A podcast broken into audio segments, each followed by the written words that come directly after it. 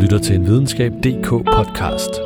Velkommen til Overblik, Videnskab.dk's ugenlige radioavis, der i denne uge dykker ned i store hundes store hjerner, og så et kattetema, hvor vi kommer omkring en kvantefysisk kat og en parasit, der gemmer sig i kattelort. Vi skal også forbi fodbold, lyttermails, og til sidst så svarer vi på, om dit gymnasiesnit dikterer dine fremtidsmuligheder. Og det er alt sammen i denne uges overblik. Mit navn er Jais Bartram Kok.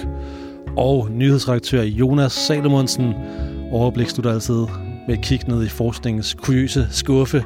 Og hvilken skæv nyhedsfisk har du heddet op på din nyhedskutter i denne uge? Tak for endnu et uh, fornemt uh, oplæg her. Jeg, uh, jeg kan jo fortsætte med at sige, at jeg har fanget en sjov historie i mit uh, nyhedsnet. Og jeg må sige, at det er skønt at tale om forskning igen her i podcasten. For sidste uge, der var jo Jonas' sure hjørne, hvor jeg talte om politikere, som jo bekendt typisk kun tænker fire år frem ad gang. Ikke? Men i forskningsverdenen, der tænker man heldigvis helt anderledes langsigtet. Der er nemlig nogle forskere i Skotland, der er i gang med et vanvittigt eksperiment, der kommer til at vare 500 år. Wow. ja. Hør mere sidst i podcasten. Og Jonas, vi er ikke alene. Videnskab.dk-journalist Thomas Hoffmann, du er en af redaktionens erfarne kræfter. Og så er du også Videnskab.dk's fodboldkorrespondent, mm. hvor du dækker dansk fodboldforskning. Så Thomas, hvis det stod til dig, skulle Videnskab.dk hedde fodboldvidenskab.dk. Ja. Godt, så det er slået fast. Og lige uh, nu, hvor vi har sådan lidt en mulighed for at tale om fodbold her i overblik. Vi er tre fodboldinteresserede herrer, så vil jeg lige få uh, svar på to hurtige spørgsmål. Uh, Jonas, får Ole Gunnar Solskjaer jobbet i Manchester United? Ja, det tror jeg faktisk. Alt andet ville være totalt uretfærdigt. Altså, han har vundet alle kampe indtil videre og spillet en enkelt uafgjort, tror jeg. Mm. Thomas, hvad siger du? Ja, det gør han da, helt sikkert. Sådan. Vinder Liverpool Premier League? Thomas? Uh. Hurtigt svar. Øh, nej, jeg tror faktisk, de bliver overhalet af City. Jeg, jeg tror på dem. Jeg tror på dem, at de endelig vinder. De har aldrig vundet Premier League før, faktisk. De har vandt for 27 år siden ligaen der, så mm. nu tror jeg, det er deres tur. Jeg tror meget på Mohamed Salah. Ja, dygtig spiller. Og som man gør i fodboldpodcast, så får man øh, kilderne til at komme med de der forudsigelser, og så følger man op på det, når sæsonen er slut. Så til mig, så afspiller jeg de her forudsigelser, og så må vi se, hvad, hvad, der, hvad der er sket på det tidspunkt der. Men Thomas, du har også udvalgt øh, nogle historier for ugen, som ikke handler om fodbold, kan vi afsløre, øh, som vi folder ud lige om lidt. Og før vi går ombord i nyhedsugen, der gik, så skal vi lige omkring en mail fra en af vores lyttere, Henning Jensen. Og øh, det er ikke så tit, at, øh, at vi får mail til i overblik, men nu har vi fået en mail fra Henning, så jeg tænkte, den skal vi lige have med. Og Henning skriver, jeg har hørt nogle af jeres podcasts, det er interessante emner, men jeg har svært ved at snuppe journalisternes evindelige grinen og deres mislykkede forsøg på at være morsomme. Kunne de ikke skrue ned for det? Og så svarede Henning faktisk, jeg har skrevet det frem og tilbage med ham, at det er simpelthen en del af sådan, vores stil her på videnskab.dk. Vi må godt være en smule sjove og sådan, uh, lidt, uh, i hvert fald forsøge at være morsomme. Ja, vi forsøger i hvert fald. Ja, vi forsøger, ikke? Uh, men jeg skrev også, at vi vil selvfølgelig ikke irritere Henning. Og så svarede Henning, uh, tak for din uh, positive tilbagemelding. Som eksempler på, hvor det fjollede til overhånd, kan jeg nævne indslagene om måneformørkelse og det med hunde og katte. Og der kan jeg godt faktisk huske tilbage, at det blev måske en smule fjollet der. Men så skriver Henning, at seriøs videnskab kan efter min mening sagtens formidles uden overdreven munterhed. Munterhed. Hør for eksempel Hjernekassen og 24 spørgsmål til professoren. Her er der god stemning og plads til sjove bemærkninger.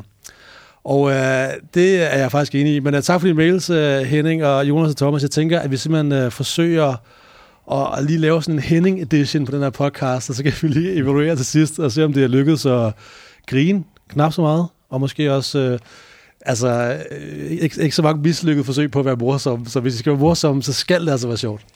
Er, er, er, er, er I med på den? Det er høje krav. Ja, ja. Hvad det er. Og så øh, må Henning utrolig gerne skrive til mig øh, og altså evaluere, om vi har ramt øh, den her stil for hjernekassen og 24 spørgsmål til professoren lidt bedre i den her uge. Og hvis du, kære lytter, har feedback, ligesom Henning, så kan du skrive til jbk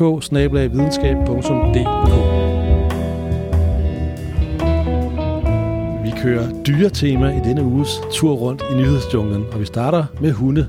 Et nyt studie fra University of Arizona har undersøgt hundes hjerner. Og Thomas, det er en historie, der fanger din opmærksomhed. Og øh, hvad viser det her nye hundestudie? Det viser kort og godt, at store hunde har større hjerner og derfor er klogere. Ja. De, bum. Øh, de her forskere har givet øh, en masse mennesker nogle forskellige øvelser. Det, det er faktisk et meget fint eksempel på crowd- crowdsourcing. Uh, det var et svært ord. Ja. Øhm, de har simpelthen lagt nogle instruktioner ud, både på, i, i tekst- og videoform, og så har folk kunne gå ind og, og hente dem ned, og så har de kunne træne deres egen hunde efter forskernes anvisninger.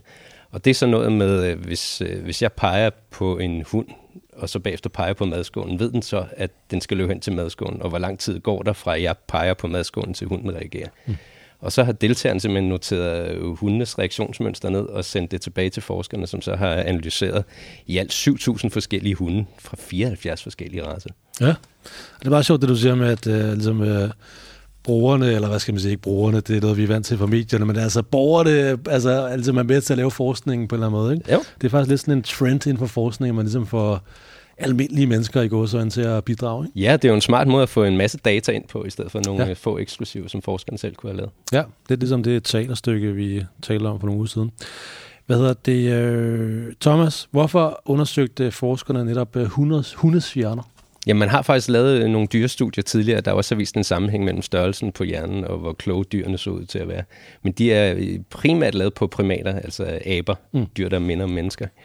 Øhm, og forskerne vil gerne prøve det på nogle andre dyr, øh, for at se, om det var noget, der galt sådan mere generelt i dyreverdenen. Øh, og så udvalgte de hundene, fordi der er en masse forskellige størrelser hunde. Der er jo de små ja. tæppetisser og de store Grand Danois, eller St. Bernhards hunde, hvad man ellers har. Mm.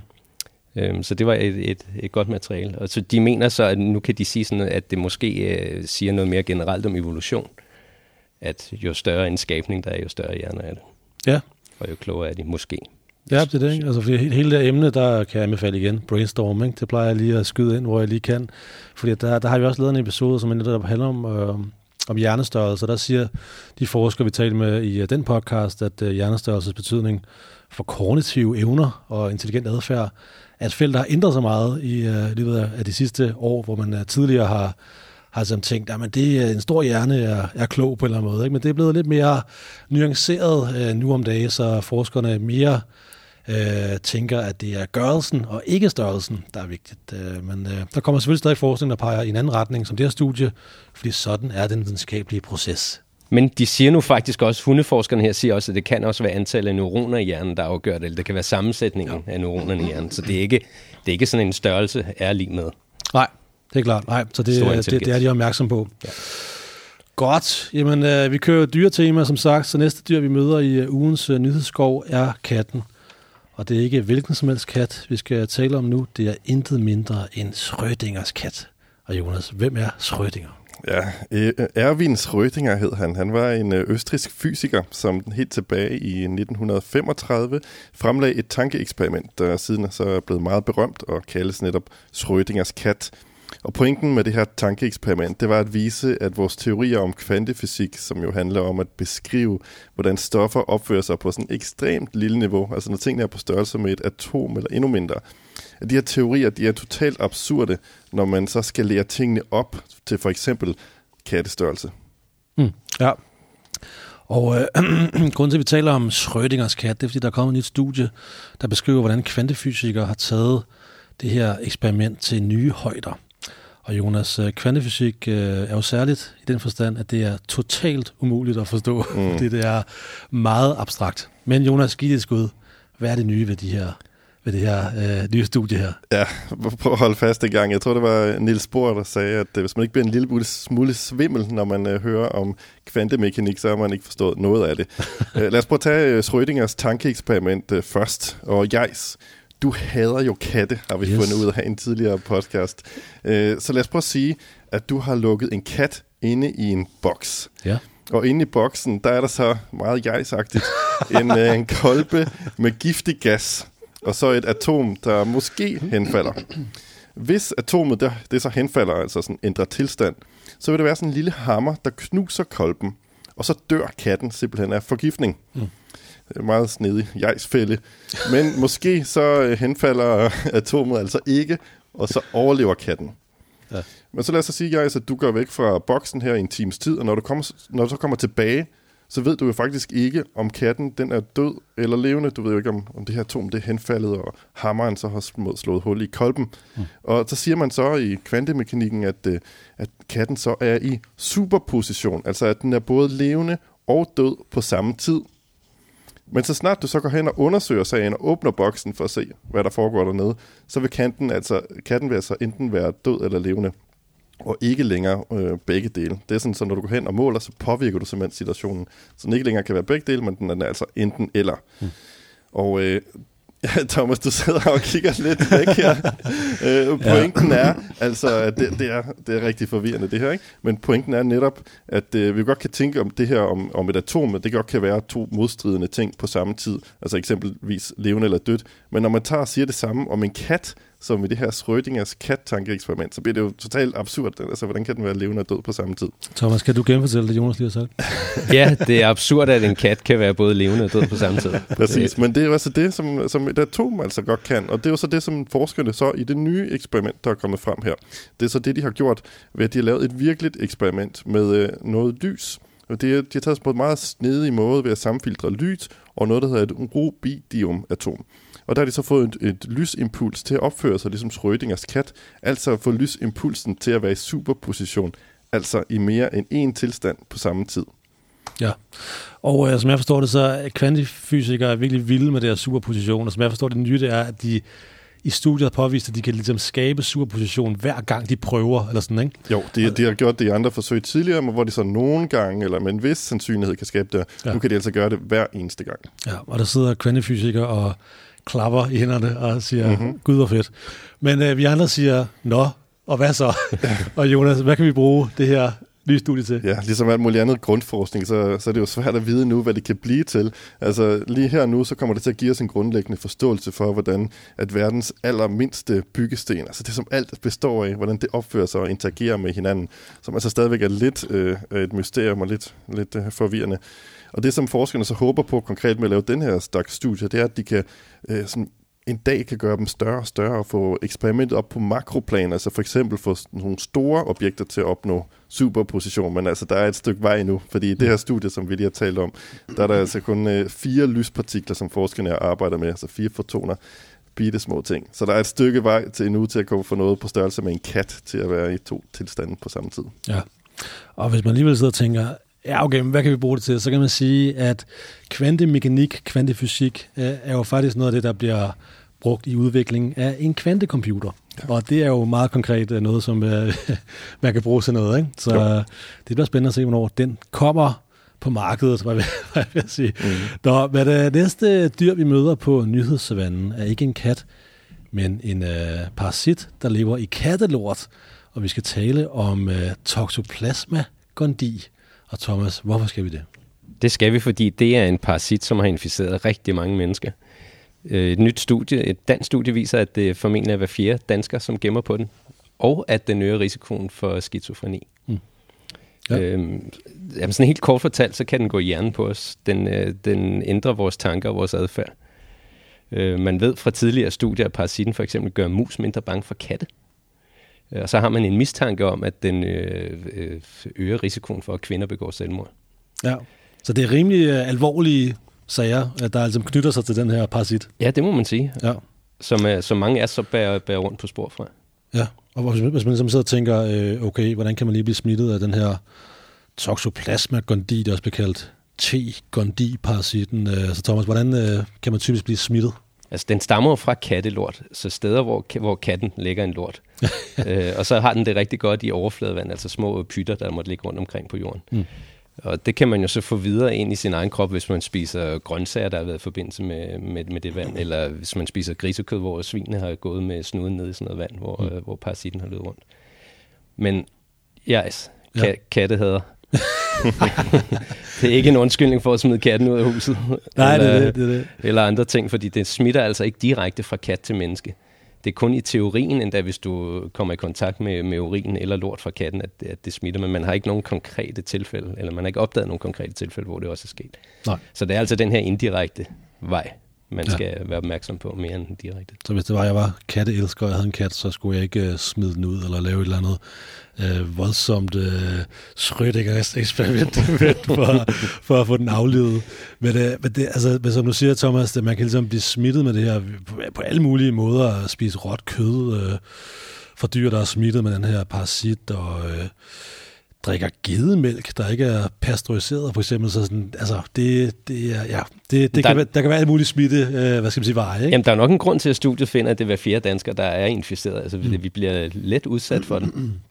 Ja, og, og, og det her studie her, det er dansk studie, der er meget stort. Det er sådan et meget stort registerstudie, som øh, bygger op sådan nogle bloddonorregister og sådan noget. Der. Så, så hvis man sidder og tænker øh, igen, at, Nå, hvad, hvad, hvad, hvad, hvad fiser er det for noget, så er det altså et meget stort dansk studie, som ligesom er, er, er værd at, hvad skal man sige, bruge tid på, fordi det netop er så stort, og som du siger, Thomas, fordi det er en parasit, der, øh, der ligesom øh, lever i mange mennesker, øh, faktisk.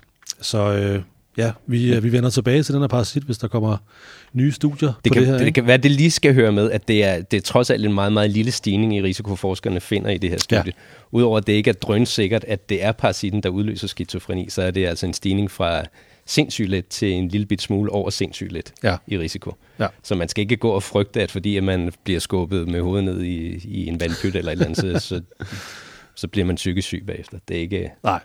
Nej, det, Det er det, det, er, det er, øh, hvad skal man sige, mange procent, men relativt er det meget lille stigning, eller. Ja. sådan, de har påvist i det her store studie, så Præcis. det er meget vigtigt at være opmærksom på. Så man skal ikke være bange, men man skal måske alligevel føle sig en smule oplyst, trods alt. Uh, okay, uh, fjerde og sidste dyr, vi skal omkring uh, i vores uh, dyre-safari-podcast her, er menneskedyret. Nærmere bestemt gymnasieelever.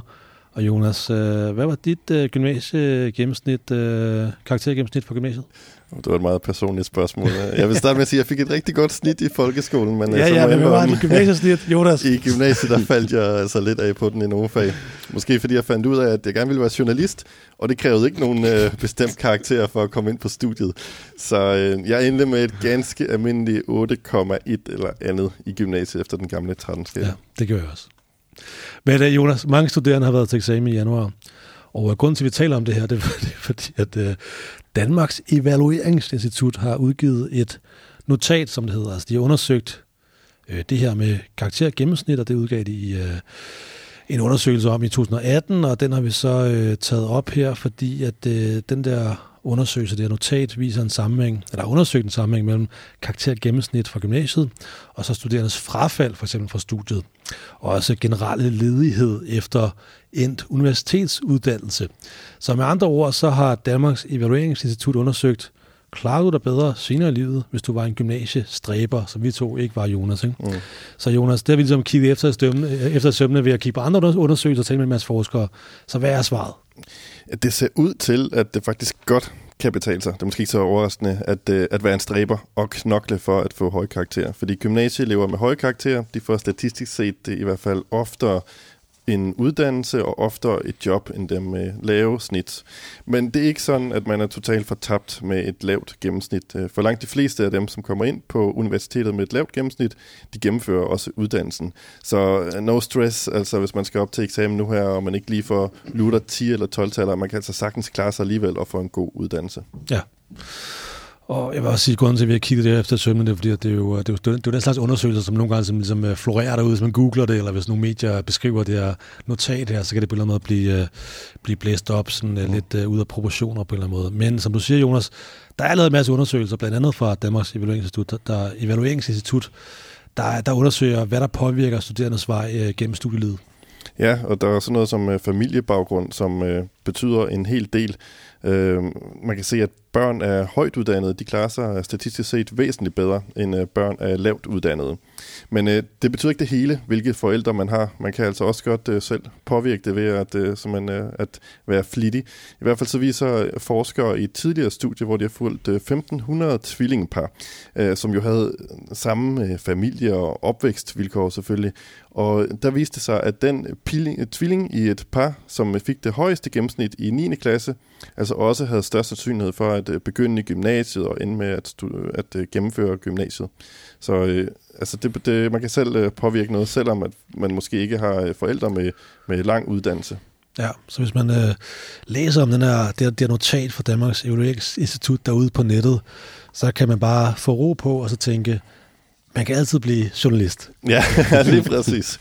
Der kræver det bare en, en, en optagelsesprøve, så, så kan man starte forfra der. Så er det glad.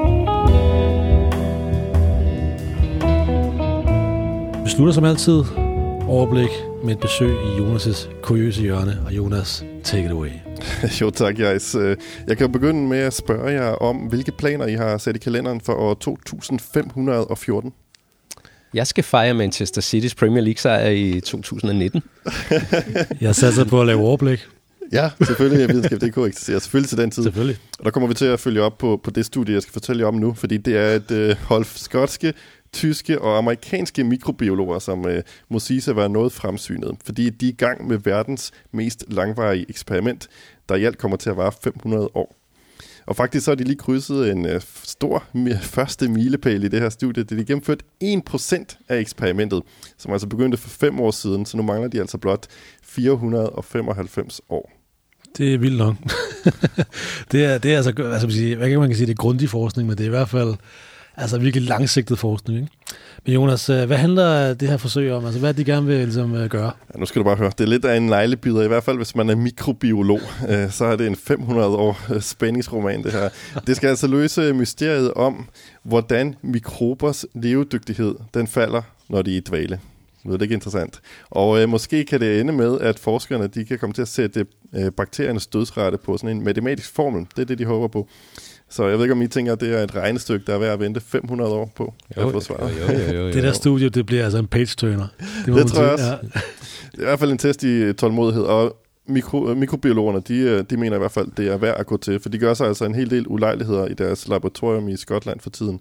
Øh, først så tog de uh, hundredvis af sporer af en bestemt type bakterier, som er kendt for at kunne overleve i sådan nogle meget ekstreme miljøer. Og så har de puttet dem ned i sådan nogle ampuller, og så har de forsejlet dem. Og så skal de ellers klare sig dernede, og så... Øh, gør forskerne altså i gang med at vente. Og her i begyndelsen, der har de sådan hver andet år åbnet nogle af ampullerne for at se, hvordan bakterierne de klarer sig.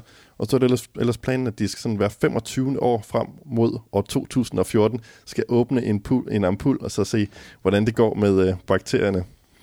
Og jeg ved ikke, om, om hvad der er sværest her, om det er at holde bakterierne i live i 500 år, eller at holde forsøget kørende og sørge for, at forskerne kommer ind og husker at tjekke de her bakterier. Jeg synes, det lyder meget svært, det hele.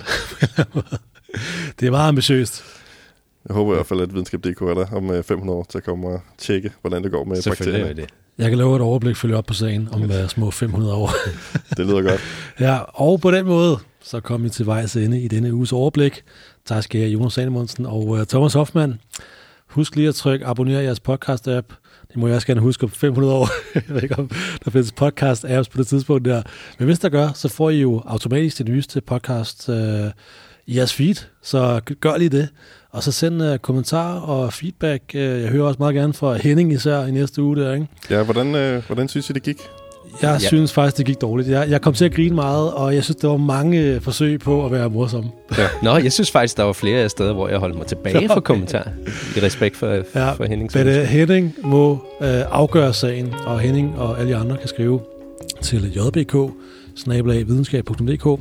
Man kan også fange mig på Twitter, hvis man øh, er til det. Og øh, jeg fik lige sagt, at øh, i næste uge, så kunne øh, Henning skrive til os. Det kan, det kan han godt gøre, men øh, vi reagerer først på det øh, i uge 8, fordi vi holder vinterferie i uge 7. Men øh, Videnskab.dk's ugenlige radiovis vender stærkt tilbage fredag den 22. februar.